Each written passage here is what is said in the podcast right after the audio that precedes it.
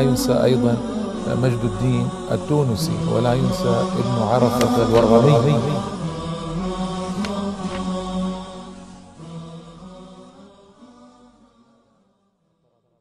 بسم الله الرحمن الرحيم.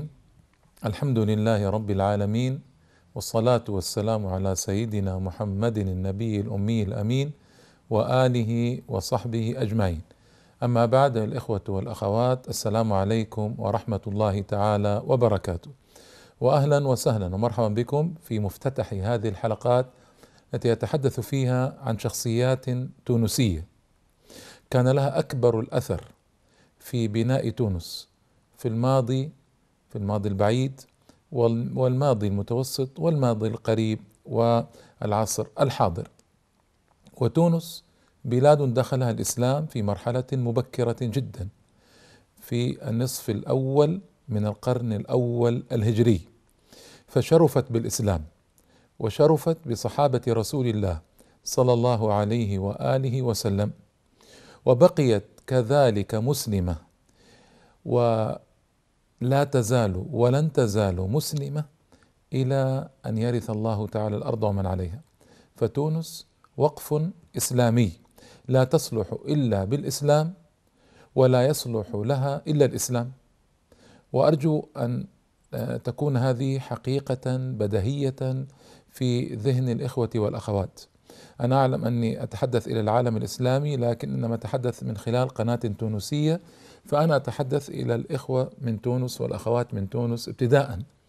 ولا يمنع ذلك أن يكون في ذلك فائدة إن شاء الله كبرى لكل المسلمين بإذن الله تعالى. فتونس بلاد شرفت بالإسلام فصارت وقفا اسلاميا إلى يوم الناس هذا وإلى أن يرث الله تعالى الأرض ومن عليها. وفي هذه الحلقات سآتي على ذكر شخصيات. طبعا أنا لن أستطيع أن أذكر إلا كبارهم وعظماءهم وربما فاتني ولا أقول ربما هذا أكيد. فاتني جملة كبيرة جدا من عظمائهم وشرفائهم ونبلائهم وقادتهم ومجاهديهم. وشيوخهم وزهادهم وعلمائهم. فما ما أستطيع أن أزعم أني استقصيت ولا أني قربت من الاستقصاء. هي ثلاثون حلقة. من أذكر فيها ومن أدع؟ وربما أذكر بعضا وأترك للسنوات المقبلة إن شاء الله تعالى ذكر البعض الآخر. وساتي على ذكر عقبة بن نافع. الفهري الصحابي الكبير رضي الله تعالى عنه الذي كان له شرف افتتاح هذه البلاد وفتح ليبيا وما بعدها إلى طنجة إلى السوس إلى تلك البلاد البعيدة. وعقبته هو عقبة وسآتي على ذكره إن شاء الله تعالى. وسآتي على ذكر العشرة أو بعض العشرة من التابعين الذين أرسلهم عمر بن عبد العزيز رضي الله تعالى عنه. الخليفة الراشدي الخامس باتفاق المسلمين أرسل عشرة من التابعين إلى أهل تونس ليفقهوهم ويعلموهم في القيروان وسآتي على ذكر بعضهم إن شاء الله تعالى ولهم سير رائعة جليلة تعيد للمرء كثيرا من مما فقد من إيمانه وفقد من آه، حماسته وفقد من زهده.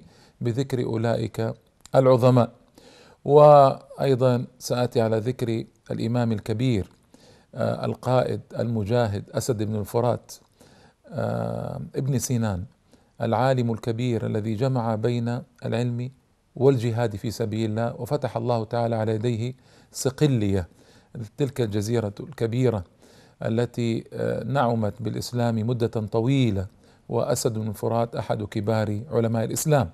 وسآتي أيضا على ذكر الإمام الكبير عبد السلام ابن سعيد التنوخي المشهور بسحنون وابنه محمد وطائفة كبيرة من تلاميذه كونوا مدرسة رائعة في القيروان وفي تونس وكان له سبعمائة من أصحابه نشر العلم في آفاق هذه البلاد وكان يوصف بأنه أعظم الفقهاء من أصحاب مالك. هو لم يدرك مالكا لكن يعني من أتباع مذهب مالك وكان يوصف في بعض الوصف بأنه أعظم فقيه في الدنيا آنذاك سحنون ابن سعيد. وأيضا سآتي على ذكر مجموعة من زهاد تونس ووعاظها بإذن الله تعالى أبو جعفر القمودي وأبو جعفر السبائي ومجموعة آه، البهلول بن راشد وشقران بن علي مجموعة رائعة جدا. كان لها في الزهد آثار وأخبار حقيقة ترقق قلب المرء وتعيده إلى الجادة من جديد. وسآتي على ذكر بعض قضاة تونس الكبار الذين ضربوا أروع المثل في القضاء عبد الله بن أحمد بن طالب وعبد الله بن عمر بن غانم مثل هؤلاء القضاة الذين يفرح بوجودهم ويسر بوجودهم. وهذه أيضا رسالة إلى القضاة ليقرأوا أخبار سلفهم من قضاة تونس الذين أيضا ضربوا أروع المثل في كيفية إدارة القضاء وكيفية العمل بالقضاء في هذه البلاد الكريمة العزيزة.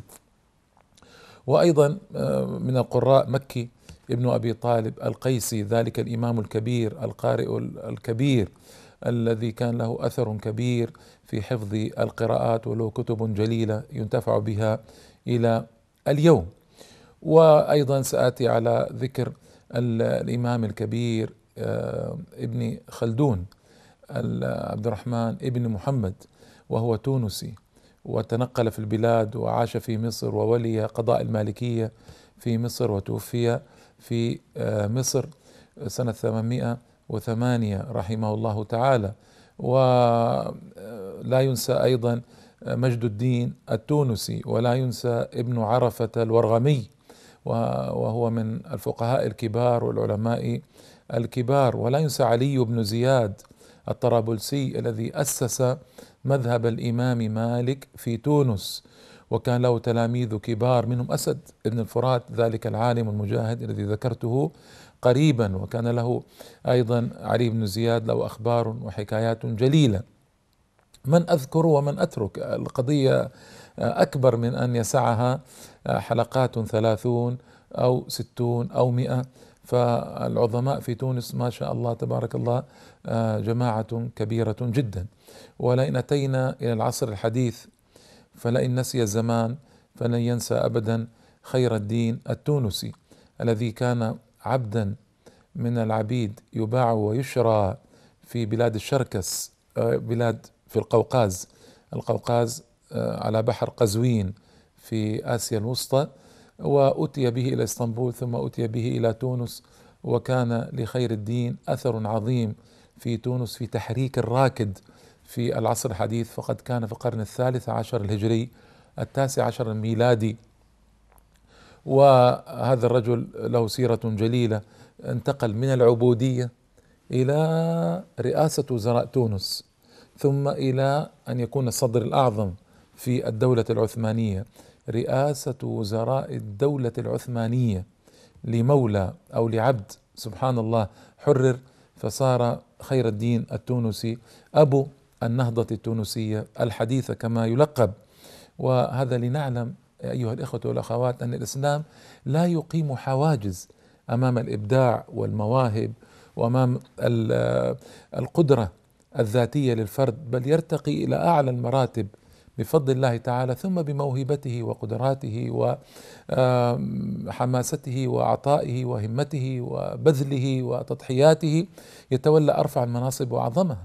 فالإسلام لا يعرف هذه الحواجز المصطنعة الجاهلية إنما المجال مفتوح لكل الناس أن يبدعوا وأن يتحركوا وأن يذهبوا وأن يرتقوا أعلى المناصب وذلك بفضل الله لهم ثم بجهودهم وقدراتهم ومواهبهم. ولا ينسى التاريخ أيضا عبد العزيز الثعالبي ذلك المفكر الكبير التونسي الذي جهد في تخليص تونس من الاستخراب الفرنسي الذي جثم على صدرها ودخلت فرنسا بأقدامها الدنسة. أرض تونس الطاهرة سنة 1298 للهجرة في آخر القرن الثالث عشر الهجري بما يوازي في التاريخ النصراني سنة 1881 للميلاد. وحاول عبد العزيز الثعالبي جهد حاول فكر قدم أخر وتغرب عن وطنه بسبب ذلك ولوحق و آه، أتعب لكن آه، القدر لم يسعفه فمات قبل أن يرى استقلال تونس.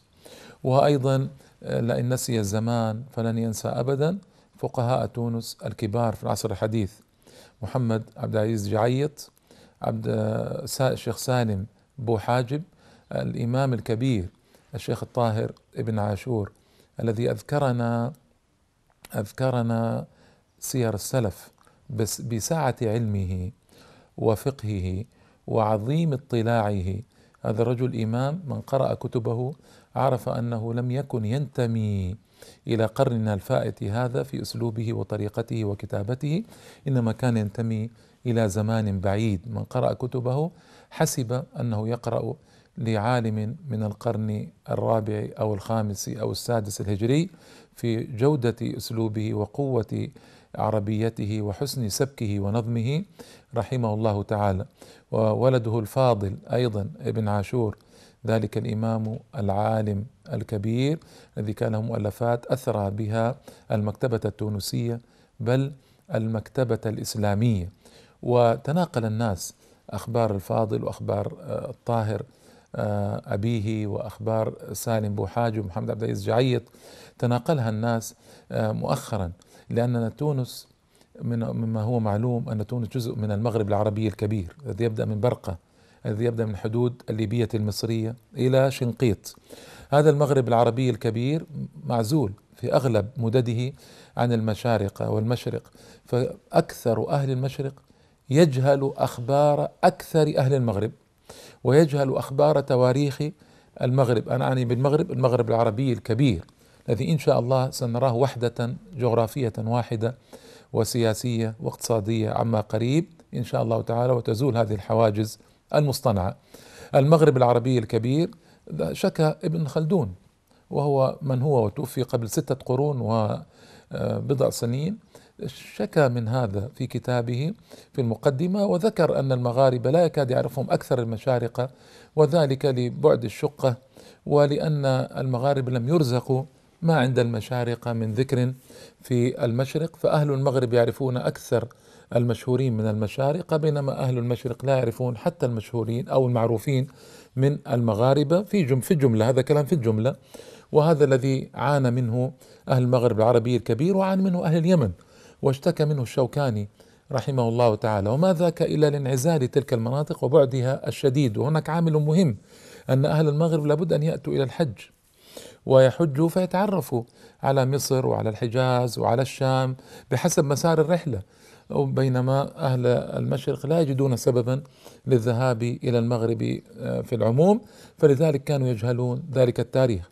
وأيضا ولئن نسي التاريخ أعلام تونس فلن ينسى أبدا الشيخ الكبير محمد الخضر حسين الذي تنقلت به الأحوال من تونس إلى دار السعادة الأسيتانا إسطنبول يعني هكذا كانت تسمى إلى القاهرة ويا للعجب ليلي مشيخة الأزهر. فهذه من العجائب التاريخية أن رجلا تونسيا يأتي إلى مصر هو في زمانه وليس في زمان ابنه ولا حفيده يلي أكبر مؤسسة دينية في مصر. وهذا يدل طبعا على أن المصريين حسنوا الاستقبال للغرباء وأنهم ينزلونهم فيهم ومنهم بمنزلة أنفسهم وأنهم يولونهم المناصب إن رأوا فيهم كفاءة. فهذا محمد خضر حسين تونسي ويلي المناصب في الكبرى في مصر. ما شاء الله لا قوة إلا بالله. سأتحدث عنه إن شاء الله في حلقة منفصلة أيضا إن شاء الله تعالى. هذه الحلقات أنا أتحدث عن هؤلاء لماذا؟ هل من أجل قص قص القصص فقط؟ لا. من أجل سبب أعظم. وأكبر هو أن نقتدي بفعالهم أن نقترب منهم أن نتشبه بهم. فتشبهوا إن لم تكونوا مثلهم إن التشبه بالكرام فلاح. ومن أجل أن نحاول أن نلحق بغبار من سلف فإنهم وصلوا إلى أعلى المراتب وأسناها وأعظمها فنحاول أن نبذل جهدا أن نضحي كما ضحوا أن نتعلم كما تعلموا أن نقدم كما قدموا أن نبني الحضارة الإسلامية المنشودة اليوم كما شارك التونسيون في بناء حضارة كبيرة جدا آه، إسلامية رائعة على مدار التاريخ الإسلامي. كان لأهل تونس النصيب الوافر. وحق لكم يا أهل تونس اليوم من رجال ونساء أن تفخروا بهؤلاء العظماء وأن ترفعوا رؤوسكم طويلا بهم. فإنهم كانوا والله مثل نجوم السماء مثل نجوم السماء يقتدي بهم المقتدون ويتبعهم المتبعون. فلهذا أنا جئت من بلدي إلى ها هنا لأصور هذه الحلقات من أجل أن أبين لكم عظمة هذه الشخصيات وروعتها وجلالها وإن شاء الله تعالى ابتداء من الغد سآخذ في ذكر هذه الشخصيات التي أرجو إن شاء الله تعالى أن يكتب لي أجر إذاعة نشر تفاصيلها وأن يكتب لكم أيضا إن شاء الله تعالى الاقتداء بها. أرجو ذلك. والله سبحانه وتعالى هو المعين وهو المأمول. وصل اللهم وسلم وبارك على سيدنا محمد النبي الأمي الأمين وآله وصحبه أجمعين. والحمد لله رب العالمين. والسلام عليكم ورحمة الله وبركاته.